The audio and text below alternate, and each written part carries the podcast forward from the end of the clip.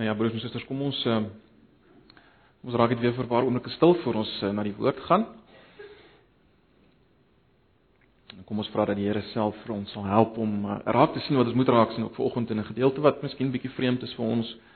Uh so ons het werklik ook die die Here se hulp nodig daarin. Kom ons uh, raak net stil. Here, ja, ons kom na U toe nou weer eens nadat ons U lof besing het. Ons vra dat U ons sal help om op te hoor dit wat U vir ons wil sê deur hierdie woord.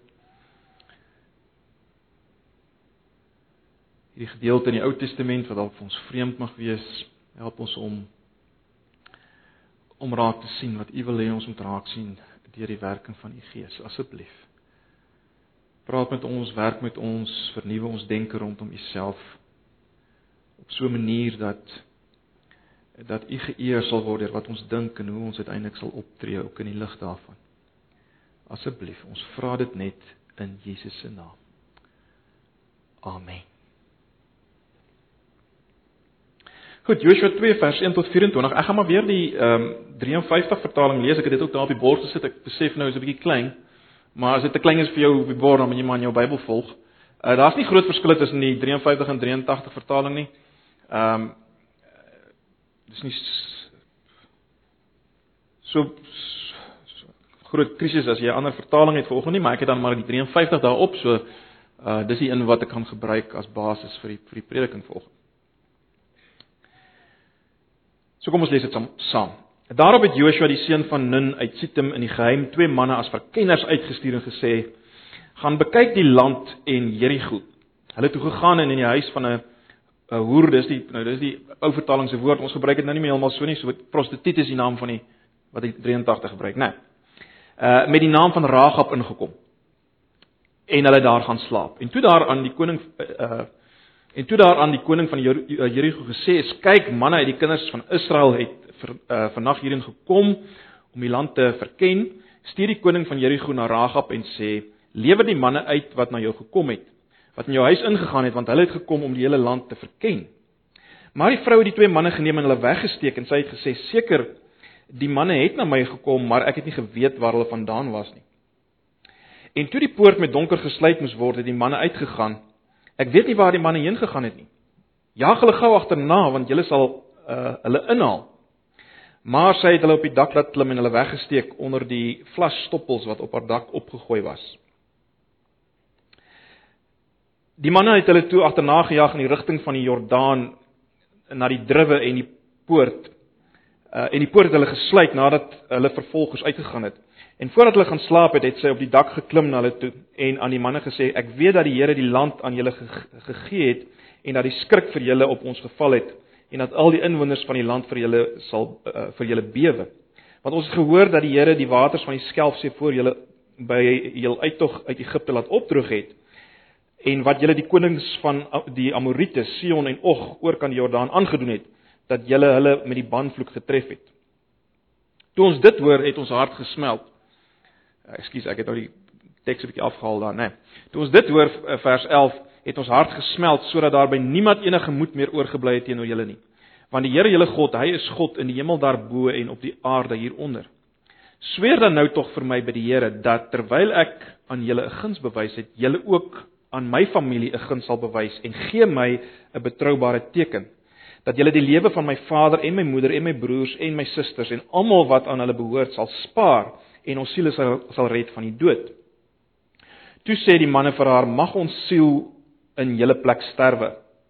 As julle nie hierdie saak van aan ons bekend maak nie, dan sal ons as die Here ons die land gee aan julle guns en trou bewys." Daarop het sy hulle met 'n lyn deur die venster laat afsak, want haar huis was in die stadsmuur ingebou sodat sy aan die uh, aan die muur gewoon het. En sy het vir hulle gesê: "Loop die gebergte in dat die vervolgers julle nie aantref uh, aantref nie en steek julle daar 3 dae lank weg totdat die vervolgers teruggekom het. Daarna kan julle dan verder gaan. Toe sê die manne vir haar: Ons sal ontslaaf wees van hierdie een uh, van hierdie eed aan jou wat jy ons laat sweer het. Kyk, as ons die land inkom, moet jy hierdie gedraaide rooi lyn waarmee jy ons laat afsak het aan die venster vasbind en jy moet jou vader en jou moeder en jou broers en jou hele familie by jou in die huis versamel. Elkeen wat dan uit die deure van jou huis uh buite toe gaan, dis se bloed sal op sy hoof wees en ons onskuldig, maar elkeen wat by jou in die huis sal wees, dis se bloed sal op ons hoof wees, ingeval 'n hand teen hom is. Maar as jy hierdie saak van ons bekend maak, sal ons ontslaaf wees van die eed wat ehm um, van die eed aan jou wat jy ons laat sweer. Daarop sê sy, soos julle sê is dit goed en sy het hulle laat gaan en hulle en hulle het weggegaan en sy het die rooi lyn aan die venster vasgebind. Hulle het toe weggegaan en in die ehm um, gebergte gekom en daar 3 dae lank gebly totdat die vervolgers teruggekeer het, want die vervolgers het op die hele pad gesoek maar niks gekry nie. Die twee manne het toe weer van die gebergte afgeklim en deurgegaan en by Joshua die seun van Nun gekom en hom alles vertel wat hulle ondervind het. Verder het hulle vir Joshua gesê: "Sekerlik die sekerlik gee die Here die hele land in ons hand, ja al die inwoners van die land uh, bewe selfs vir ons." ons lees net so ver. Nou as mens daai gedeelte so lees dan mag mens die vraag jouself afvra maar wat op aarde het hierdie gedeelte met ons te maak? Waarom kyk ons selfs na so 'n gedeelte? Ek meen dit is 'n dis 'n hele dis 'n hele interessante verhaal, 'n spannende verhaal, maar maar so wat? Uh, so wat? Wat beteken dit vir ons? Wel, uh, ek dink tog dat as ons werklik wil verstaan wat hierdie gedeelte ook vir ons sê, dan is dit baie belangrik om versigtig te kyk hoe hierdie verhaal saamgestel is. Nou ek het dit min of meer so uitgelig daar.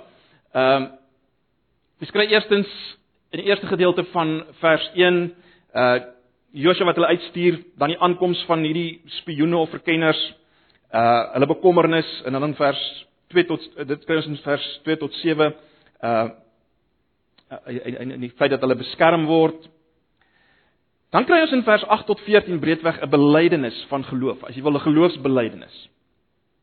En dan kry ons weer in vers 15 tot 21 die ontsnapping van hierdie manne uh weer eens 'n element van bekommernis wat daar is en die beskerming um, van Ragab uh in die saam met haar waaroor gepraat word uh wat sou plaasvind as hulle dan nou die land uiteindelik sal inval en dan uiteindelik in vers 22 tot 24 lees ons weer van die terugkeer van hierdie verkenners na Joshua. So min of meer kan ons dit so uiteensit.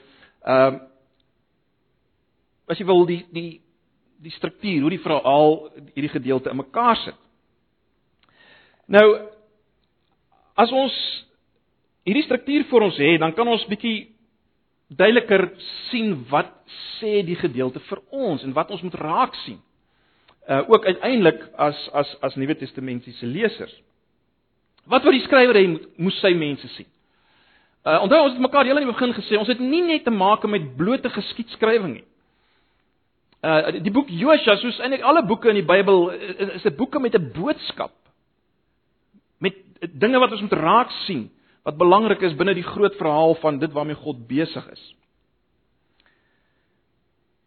En ek dink die eerste ding wat ons raak sien wat hierdie struktuur vir ons help om te sien is dat dit gaan hier oor 'n belydenis van Jahwe of dan die Here se soewereiniteit. Dis 'n groot ding wat ons hier raak sien. Dit gaan oor in eerste plek oor die belydenis van Jahwe of dan die Here se soewereiniteit. Ek gebruik maar die woord Jahwe. Die, die rede daarvoor is dis die is die woord wat gebruik word hier en dis belangrik want Jahwe is die naam van van die God wat homself aan Moses geopenbaar het. Die een wat gesê het ek is wat ek is, né? Nee, die verbondsgod, die God wat die volk uitgelei het. So dis belangrik dat ons daai naam sal uh verstaan. Dit dit dis wat hulle verstaan het as hulle die woord Jahwe gehoor het. So dis hoekom ek maar uh, dit bysit.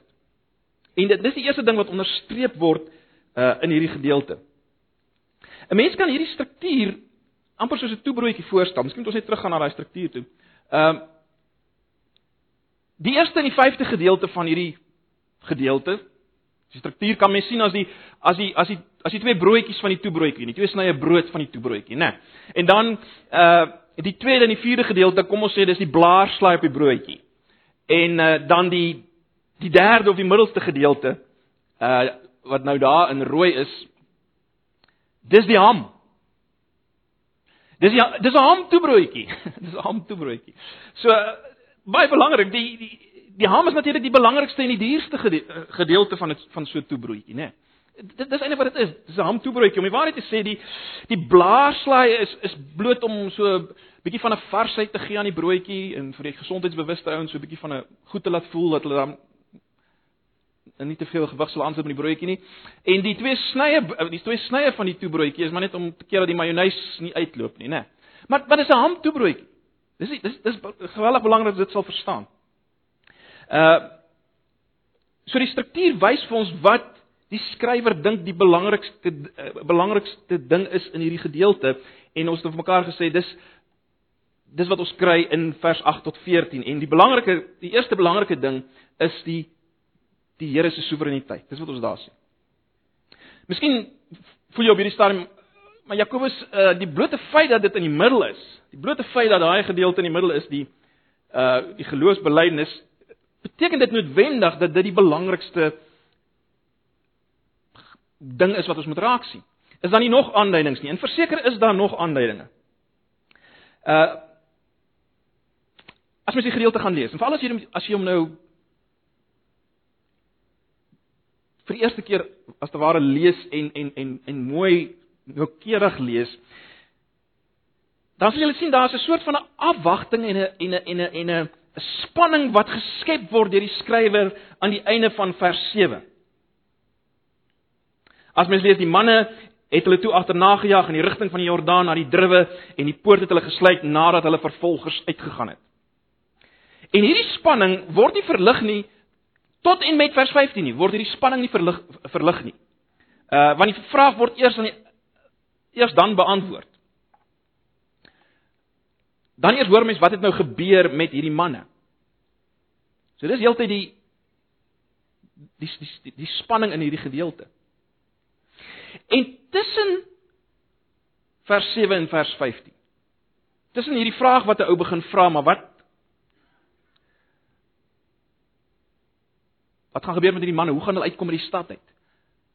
En uiteindelik dit wat gebeur het, hoe hulle uitgekom het. Tussen dit kry ons dan, soos ons nou in die struktuur gesien het, die belydenis van uh kom ons gaan weer terug. Kry ons die belydenis van Ragab. En dit is baie belangrik. Hierdie hierdie geloofsbelydenis. So wat doen die skrywer wat bevestig dat uh dit die belangrike ding is waaroor dit gaan? Wat doen die skrywer? Wel, dis asof hy vir ons wil sê moenie julle kop breek as jy nou kom by die einde van vers 7. Moenie jou kop breek oor hoe die ouens hier gaan uitkom nie. Hoe hulle gaan ontsnap nie. Daar's iets baie belangriker wat ek julle wil vertel. Daar's baie iets baie belangriker wat ek julle vertel. Laat my toe om aan te haal en dan sê hy wat Ragab gesê het. So so met ander woorde, dit die struktuur soos ons dit ingesit het bevestig dat dit die groot ding is waaroor dit gaan hierdie hierdie geloofsbelijdenis as te ware en en en die en die hele kan ek sê die manier waarop die skrywer die goeters saamstel, die afwagting en die spanning wat hy skep, bevestig dat dit die groot ding is. Met ander woorde, dis hoe die skrywer wil wys dat dit wat Ragab gaan sê in breedweg in vers 8 tot 14, dit wat Ragab gaan sê, dis die belangrike ding. Alle ander dinge moet bietjie op op die agtergrond geskuif word. Ons wat ons moet raak sien as ons die die gedeelte lees is is dat daar sekere dinge is waaroor die skrywer nie so besorg is nie. Daar sekere dinge waaroor hierdie waaroor die skrywer nie so besorg is nie en waaroor ons wat in die gedeelte lees in die eerste plek nie so besorg moet wees nie. Byvoorbeeld, die skrywer is nie baie geïnteresseerd in in allerlei etiese vrae wat in vers 4 tot 6 na vore kan kan kom nie. Uh, die vrae waaroor mense ure lank kan redeneer nie. Byvoorbeeld, uh Was dit nou reg vir Ragab om eintlik te lieg vir die vir die uh uh polisie van Jerigo as jy wil? Want sy het gelieg vir hulle. Nou kan ons redeneer daaroor, was dit is dit reg dat sy gelieg het? Of nog meer, ehm um, hoekom was Ragab 'n prostituut? Is dit dan nou reg want want die, want daar word geen oordeel oor haar uitgespreek nie. Daar word niks gesê van haar prostitusie nie, dit word nie veroordeel nie. En ons kan vreeslik lank daaroor redeneer. En in die proses mis mens die waarheid van Ragab se waarheidsuitspraak in vers 8 tot 13. Dit wat die skrywer as die middelpunt van hierdie gedeelte beskou. In die proses kan jy dit mis. Dit kan amper vergelyk word om nou 'n beeld te skep, 'n vergelyking te skep. Uh dit kan amper vergelyk word met 'n man wat baie trots vir sy vrou die yskas oopmaak en wys dat hy hy het alreeds vir die gaste 'n uh, 'n uh, 'n heerlike nagereg voorberei. En dan sonder om enigstens daarop terug te reageer, dan kyk die vrou vas in die vuil vingermerk aan die yskas, want die ou se hande was nie heeltemal skoon gewees nie. Nou kyk kyk sy vas in die, die vuil vingermerk aan die kant van die yskas. En dis vir haar nou die groot issue. Jy sien sy mis heeltemal die punt. Sy mis die punt. Sy verstaan nie die man se bedoeling hoe genaamd nie. Haar fokus was verkeerd. En dit kan gebeur met ons uh as ons as ons hierdie gedeelte lees. Ons kan ons kan die hele punt mis. Ons fokus kan heel verskuif van van wat die fokus moet wees of wat die wat die Here wil hê ons fokus moet wees. En dit kan natuurlik gebeur met enige gedeelte in die skrif wat ons hanteer. En dit is ook met so belangrik is om om noukeurig ook te lees. Uh die Nuwe Testament mis natuurlik nie hierdie fokus nie. En as die Here wil sal ons net na die vakansie weer 'n keer kyk na hierdie gedeelte bietjie bietjie bietjie sterker van uit die Nuwe Testament. Want in die Nuwe Testament, byvoorbeeld jy kan gaan kyk na Hebreërs 11 vers 31 en Jakobus 2 vers 25, dan sien ons dat die Nuwe Testament het reg verstaan dat dit die groot issue is waaroor dit gaan. Hierdie geloofsbelijdenis van Rahab, julle ehm um, julle sal dit daar sien, gaan lees dit maar so lank en so ek sê as die Here wil sal ons uh direk na die vakansie as ons weer aangaan met met Joshua daarna kyk.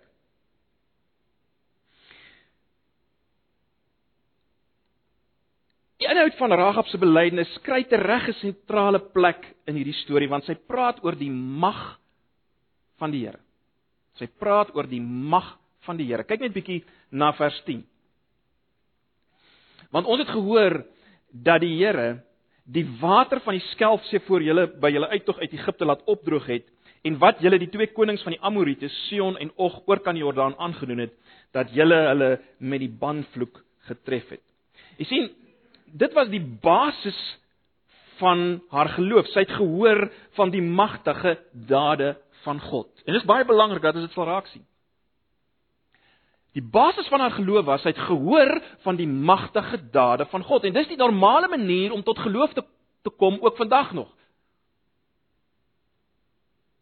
Dit is baie baie, baie belangrik. Bybelse geloof is gebaseer op ten minste sommige inhoud, kennis data, net wat jy dit wil noem. Bybelse geloof is daarop gebaseer. Kyk, selfs uh enige romanse tussen mense het het basiese kennis wat onderliggend moet wees, né? Nee. Uh twee verliefdes praat mekaar en vind vind uit oor mekaar se agtergrond ensovoorts. Uh uh waarvan hulle hou en so meer.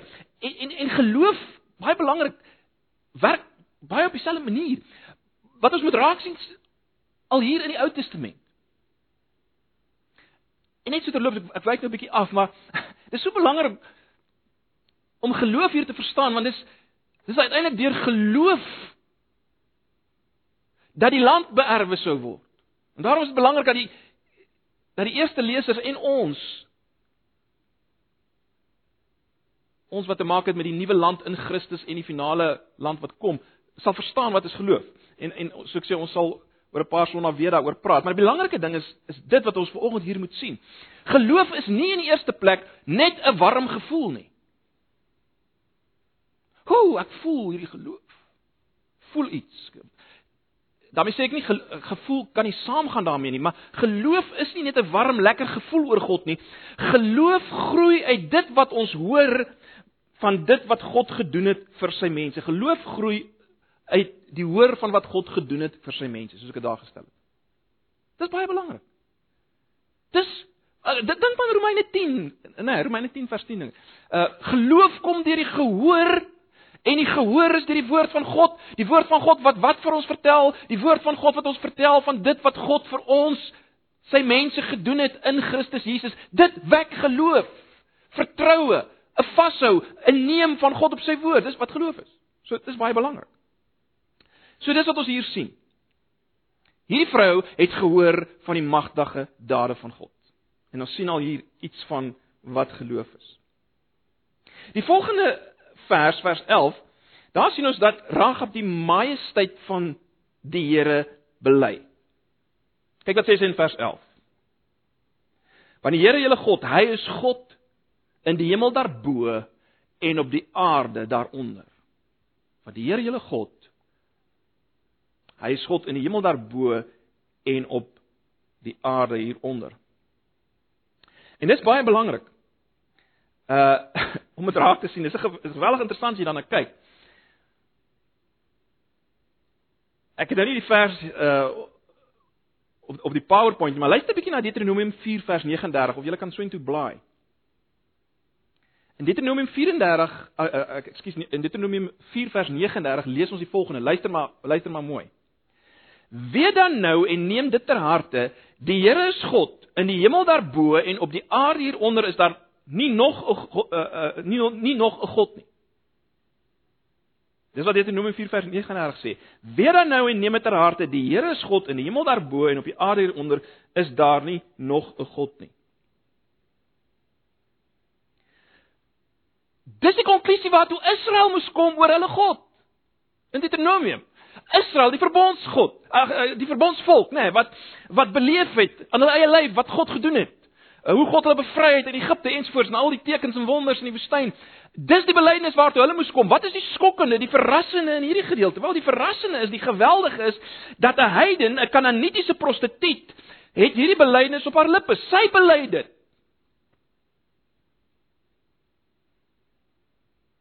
Sy bely dit. En as as mens nou aangaan met die ehm uh, met die geskiedenis van Israel, dan kom ons agter op die einde van die dag het Israel self nie altyd dit bely nie. Sy dit bely.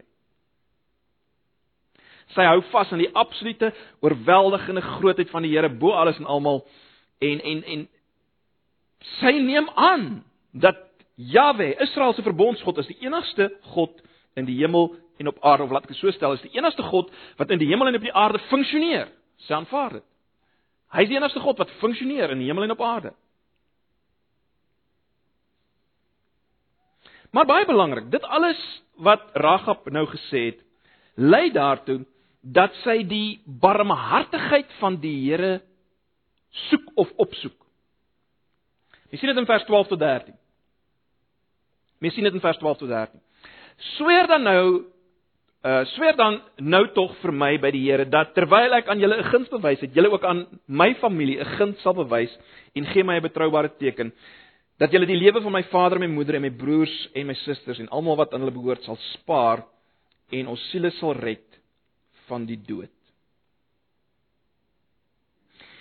Broers en susters, dit is belangrik dat ons dit hier sal raak sien. Hier is die bewys van geloof. Jy sien, werklike geloof is nooit tevrede om net oortuig te wees van die realiteit van God nie. Kyk, jy moet oortuig wees van die realiteit van God. Dis 'n belangrike element van geloof om om te hoor van dit wat God vir sy mense gedoen het en wat hy doen in die wêreld en oortuig te wees van van sy realiteit. Maar jy kan geweldig oortuig wees van die bestaan van God en die realiteit van God. En baie ouens, as jy hulle vra, is daar 'n God? Is jy oortuig dat God daar is? Ja, natuurlik, daar is 'n God. Maar dit beteken nog nie dat jy uh, aan hom behoort nie, dat jy gelowig is nie, dat jy Christen is nie. Want werklike geloof gaan verder en dit soek skuilings by hierdie God. Dis baie belangrik. Werklike geloof gaan verder en soek skuilings by hierdie God. Ragab moes nie net weet van die waarheid omtrent God nie. Sy moes ook die komende oordeel van God ontvlug en dis dis baie belangrik. Ek ek daar vir julle gesit. Bybelse geloof is nie net tevrede met blote oortuiging nie, dit soek skuilings by God. En dit sien ons baie duidelik al hier by Ragab. En dan word dit nie net 'n geval van korrekte oortuiging nie, maar van 'n desperate behoefte. Dis wat betrokke is in geloof. Ek sê dit weer. Geloof beteken nie net jy die jy die korrekte oortuiging nie. Dan is nie nog nie geloof nie. Jy weet van iets, ja, jy's oortuig, dis nog nie geloof nie. Geloof is nie net korrekte oortuiging nie, daar moet 'n desperate behoefte wees. Dis betrokke in reddende geloof.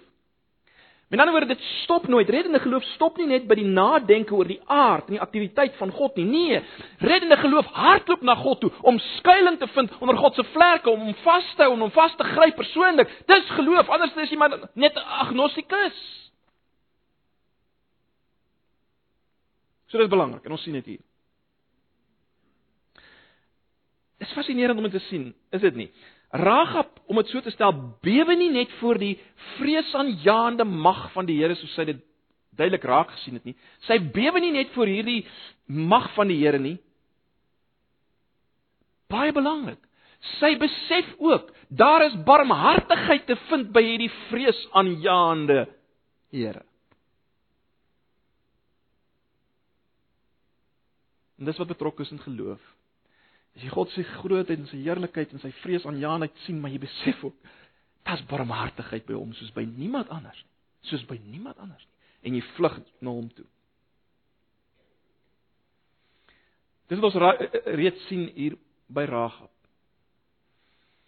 En die teks sê dit natuurlik nie eksplisiet nie, maar ons weet dis dis net God se genadige werking wat kon maak dat Ragab dit so raak sien. Uh, dit so raak gesien het. Maar boonbehalwe die belangrikheid van Ragab se belydenis in hierdie gedeelte kom hierdie storie ook as 'n geheel en en bemoedig die volk met die getrouheid van die Here of as jy wil in die getrouheid van die Here. Jy kan dit op op twee maniere natuurlik stel. Kyk 'n bietjie na die spioene se verslag in vers 24. Sekerlik gee die Here die hele land in ons hand. Ja, al die inwoners van die land bewe selfs vir ons. Nou ons het nou al oor en oor gesien dat die land is die groot issue as jy wil in in Joshua, nê. Nee, die land wat geografies as jy mooi gaan kyk, eintlik die hele gedeelte beslaan uh waar Eden was, uh dis God se plek, God se land en en en dis waaroor dit gaan. God gaan dit weer gee vir sy mense. Ons weet dis waaroor dit gaan en nou is dit baie interessant. Uh as jy kan amper sê as vrug van van hierdie verkenners of spioene se ondersoek word die Israeliete bloot verseker weer eens hier dat die Here gaan vir hulle land gee. Uh, maar hy het dit klaar gesê. Hy het al lankal beloof. Ons weet hy het dit al lankal beloof. Hy het dit al in Genesis beloof. So nou gaan hierdie verkenners uit. Hulle gaan die land in en en dis die bemoediging wat hulle weer kry. En dit is belangrik om dit raak te sien. Dis al. Dis dis dis die vrug van hulle van hulle ondersoek. Dis die gevolg van hulle ondersoek, die of die vrug van Dis al. Ons moet dit raak sien. Met ander woorde, Niks anders word gedoen deur hierdie verkenners nie. Daar word nie in die geheim plofstowwe geplant in Jerigo of uh, 'n uh, geheime agent agtergelaat om om te infiltreer as dubbele agent in Jerigo of, of enige so iets. Niks daarvan. Niks daarvan.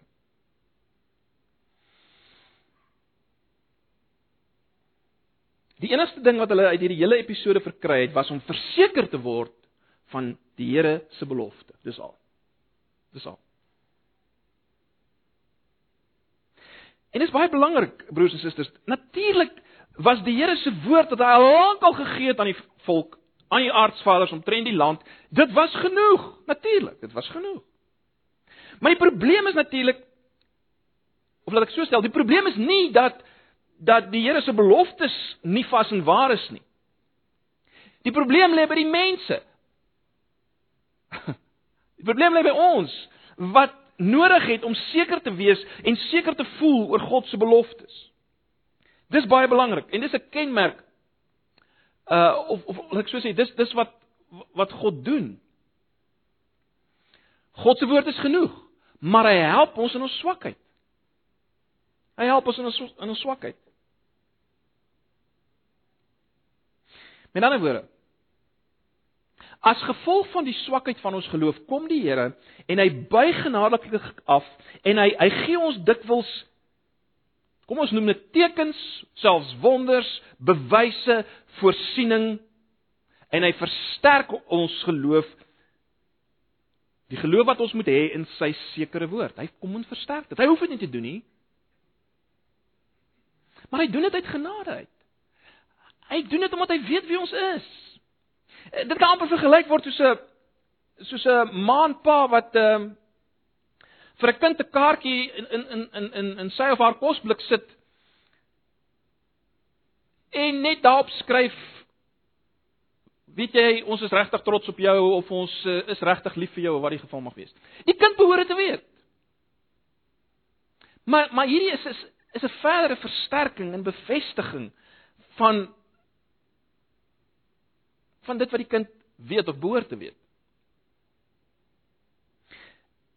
Want dis wat 'n kind nodig het want 'n kind is bloot 'n kind as as jy dit so kan stel. En en dis dieselfde met ons broers en susters. Die Here verstaan ons behoeftes. Hy verstaan ons swakheid. Hy weet hoe ons sukkel om die woord net te vat. En daarom kom hy en hy en hy, en hy doen dit.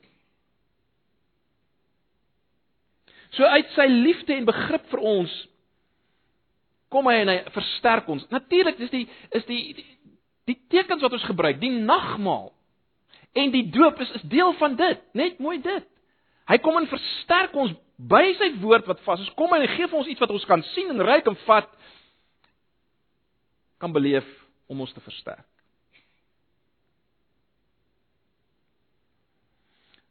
Om dit anders te stel, met tyd kom bederf die Here ons met 'n met 'n gevoel of 'n emosie. Hy hoef nie En dit gebeur nie altyd nie, maar soms bederf hy ons met 'n gevoel en 'n emosie en 'n teken bo en behalwe sy vaste woord. Dis amper iets daarvan wat hier gebeur. Ja, alles wat gebeur in hierdie verhaal kom word hulle net weer versterk van die feit dat die Here gaan vir julle die land gee. Sy woord wat hy gesê het. Maar dan baie belangrik 'n laaste groot belangrike ding wat natuurlik hier uitgelig word en dit uh, mens kan dit nie anders om dit raak te sien nie is die wat ek nou maar noem die pragt van die Here se genade. Net so terloops. Hoofstuk 2, die hele hoofstuk 2 is nie regtig essensieel vir die vertel van die waarheid van Israel se ingaan in die land nie. Dis regtig nie essensieel daarvoor nie. As jy kyk na die geheel van die verhaal. Met ander woorde,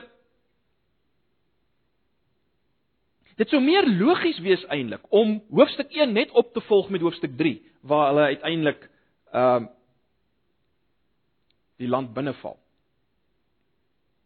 Dit dit sou tot gevolg hê dat daar meer 'n samehangende verhaal sou wees waarin hoofstuk 3 onmiddellik die verwagting wat 'n mens gekoester het na hoofstuk 1 want jy koester 'n verwagting na hoofstuk 1 van nou gaan ons die land in en as hoofstuk 3 direk daarna gekom het wel dit sou so baie mooi gevloei het. Baie mooi, dit sou 'n baie mooier samehangende geheel gevorm het. Daar's wel ook 'n klein gedeeltjie in hoofstuk 6 wat verwys na Rahab. Ehm um, in hoofstuk 6 eh, vers 22 tot 25, maar ook daai gedeelte kon maklik uitgelaat gewees het sonder om die vloei van die verhaal te beïnvloed. Die hele feit dat ons hierdie hoofstuk het wys dat dit van besondere belang is vir die volk om dit te verstaan en vir ons uiteindelik om dit te verstaan om dit raak te sien.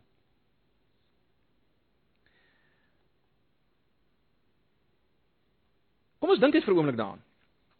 Waaroor gaan dit hier? Hierdie hele verhaal gaan eintlik om Nuwe Testamentiese terme te gebruik oor die bekering van 'n heiden, 'n Kanaaniet. Let wel nie 'n vooraanstaande Kanaaniet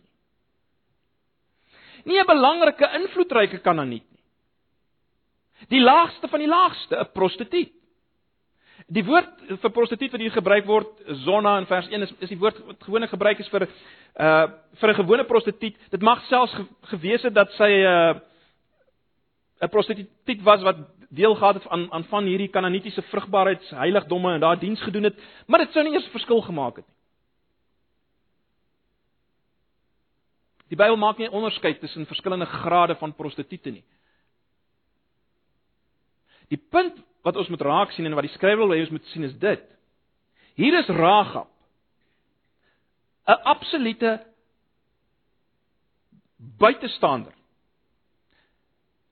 Sy is nie deel van die volk nie. Sy het nie die regte bloed in haar are om dit so te stel nie. Hoe genaamd nie. En sy is nie eers 'n goeie heiden as ek dit so kan stel nie. Sy is nie eers 'n goeie heiden nie. Sy is die slegste wat jy kan kry en sy word verwelkom in die volk van God, die enigste mense van God op aarde. Hierdie laagste van laagste van die van van die Kanaaniete, die heidene, die vyande van God se se volk op daai stadium. Sy word deel van die volk. En sy word regtig deel van die volk. Dit is, is fascinerend as jy as jy later gaan lees in hoofstuk 6, uh, vers 22 tot 25. Ek haal net vir julle vers 25 aan. Kyk hierso. Joshua het die prostituut Ragab en haar familie, al, al haar mense laat lewe. Sy het tussen die Israeliete gewoon en haar nageslag woon nou nog hier. Dis die stadium waar die boek geskryf is waarna waarna die skrywer verwys omdat sy die manne vir wie Josua gestuur het om hierdie goed te verken weggesteek het. Maar maar maar, maar kyk daarna. Sy gaan woon tussen die Israeliete. Nou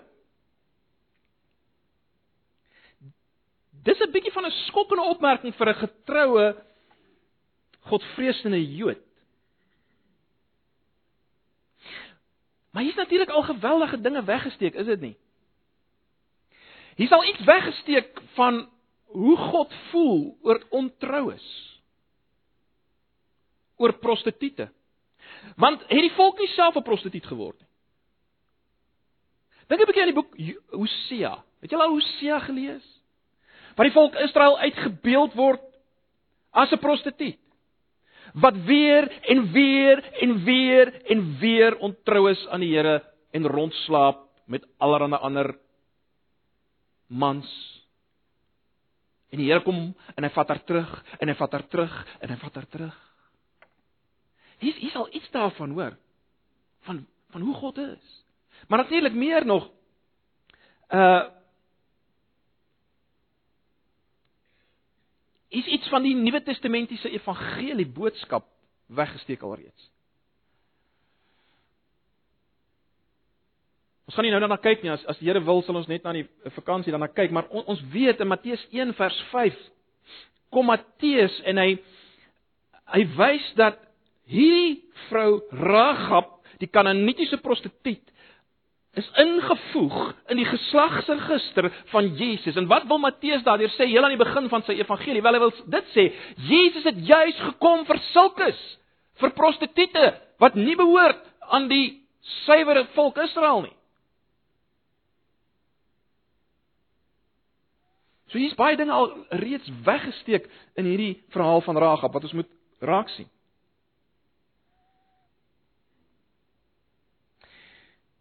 Maar as ons as ons 'n bietjie nader aan onsself bring broers en susters, is dit nie dikwels so dat ons vandag baie keer in die kerk van die Here is ons ongemaklik met die wat die Here byvoeg nie. Ons is so maklik dat ons kan dink dat die kerk is bedoel vir respekteerbare skoon middelklas mense. Partykeer voeg ons nou by van 'n sekere ras. Dit is amper so goed as om te sê dat dat hospitale slegs vir dokters en verpleegsters en vir ekstraal masjiene, nie vir die siekes nie. Daar's so geneigtheid soms by by Christene. Ten spyte van die feit dat Jesus gesê het ek het nie gekom om regverdiges te roep nie. Ek het nie gekom vir die gesondes nie, maar ek het gekom vir die siekes. Ten spyte daarvan het ons dikwels daai denke. En daarom ten slotte wil ek hê ons moet vir onsself afvra, wie is die God waarmee ek besig is? Wie is die God waarmee besig is in die lig van hierdie gedeelte? Watter God, watter soort God aanbid jy? Aanbid jy die God wat ons al reeds Ons is hier in die Ou Testament. En hier sien ons al iets van van hoe hy is. Die God wat ons kan verras met sy optrede. Is dit die God wat jy aanbid? Wat jou kan verras met sy optrede? Kan verras met sy absolute barmhartigheid en sy absolute genade? Kom ek stel dit anders, aanbid jy die God wat so voel, soos ons nou gesien het, voel oor Kanaanitiese heidense prostituie? Is dit jou God? Of is jou God 'n netjiese, skoon middelklas God om dit so te stel by wyse van spreek? Dis die uitdaging. Dit is baie belangrik dat ons onsself die vraag sou afvra, hoe wie is die God wat ons aanbid in ons denke want Want die God wat mens geword het, was uiteindelik 'n vriend van tollenaars en prostituie. As God mens word en God begin loop tussen mense, dan reik hy uit na die slegstes van die sleg, die tollenaars en die prostituie. En hy let wel, hy gaan die die gesiene Bybelsgeleerde Fariseërs en skrifgeleerders wat let wel nie slegte ouens was nie, hulle was absoluut goeie ouens gewees. Hy gaan hulle, verby. So is belangrik dat ons vir onsself sal afvra maar wie God waarmee ek regtig besig is.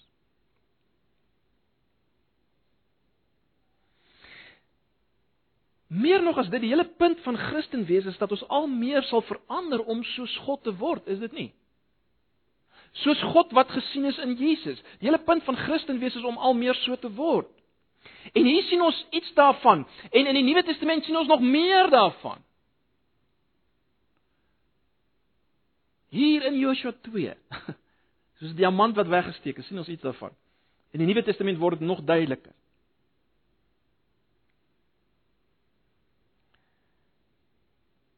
Nuwe Testament sien ons nog duideliker wie is God en vir wie het hy gekom. Onthou julle wat ons gesien het in Romeine, Romeine 4 vers 5. Wat is die Christen? Die Christen is iemand wat glo in God wat goddeloos is regverdig. Nie die God wat goeie ouens raak sien en sê, "Jesus, maar jy jy jy doen goed, jong. Jy het al baie gevorder. Kom word deel van van my en my volk." Nee, God gaan sulkes verby. Hy regverdig. Hy stel in die regte verhouding met homself die goddeloses. En net hulle. Net die wat dit is en dit weet. Dis die God waarmee ons besig is. En ons moet dit vat en alreeds hier sien in embrio vorm in die Ou Testament en word al duideliker en duideliker en duideliker. As jy natuurlik vanoggend hier is en jy's onder die invloed van een of ander vorm van teologie wat sê dat jy darm 'n bietjie beter moet word voor jy aanvaar kan word deur God. So jy moet eers 'n bietjie werk aan jou stilte tyd of jou wat ook al. Uh hoor dit vanoggend. Vat dit vanoggend God red mense soos Ragab die prostituut. Wat hulle toevlug neem in hom. Wat skuilings vind by hom. Wat hy gehoor het van hom en wat hy gedoen het. En dat dit vir jou vertroosting wees vir oggend en kom na hom, kom na hom toe.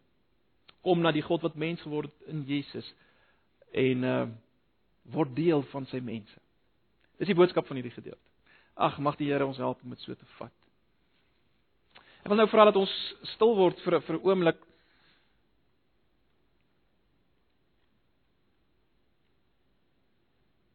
Kom ons bid saam.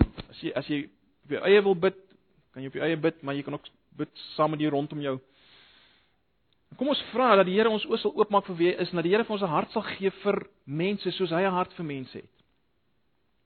Die land waarvoor ons ver oggend uh volgens die volgens die bulletin bid is Nigerië, spesifiek vir Nigerië vir vir mense daar wat ons weet hoe korrup is Nigerië. Maar God het gekom vir mense soos die Nigeriërs. Bid vir die land Nigerië en laat die Here daar sal werk.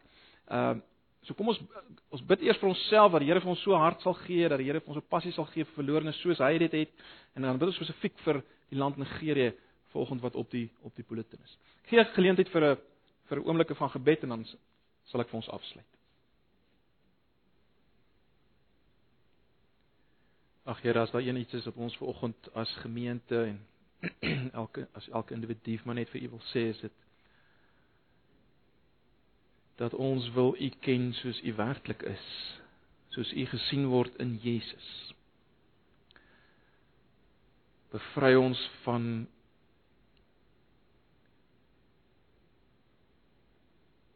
alle verkeerde beelde wat ons van u dalk nog van ons kinder uit ons kinderdae uit saamdra.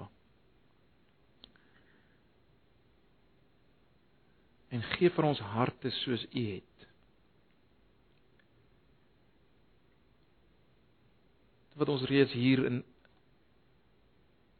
in klein formaat in die Ou Testament sien, maar wat al duideliker, duideliker en duideliker en duideliker word totdat u self verskyn.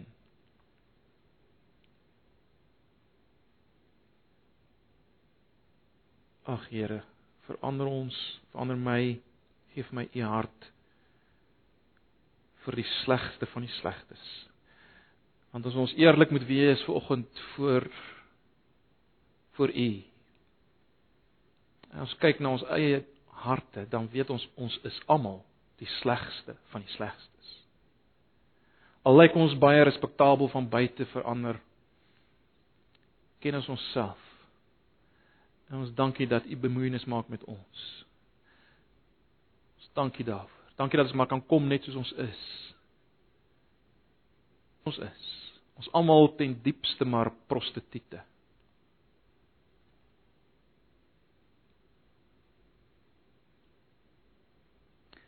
Dankie dat U ons deel maak van U self en van U liggaam. Ons eer U daarvoor in Jesus se naam. Mag nou die genade van ons Here Jesus en die liefde van hierdie God waaroor ons vanoggend gepraat het met julle wees en bly in hierdie week en ehm uh, ook in die tyd wat kom, die vakansietyd, die van julle wat weggaan, mag die Here julle bewaar en ons almal weer veilig terugbring. Amen.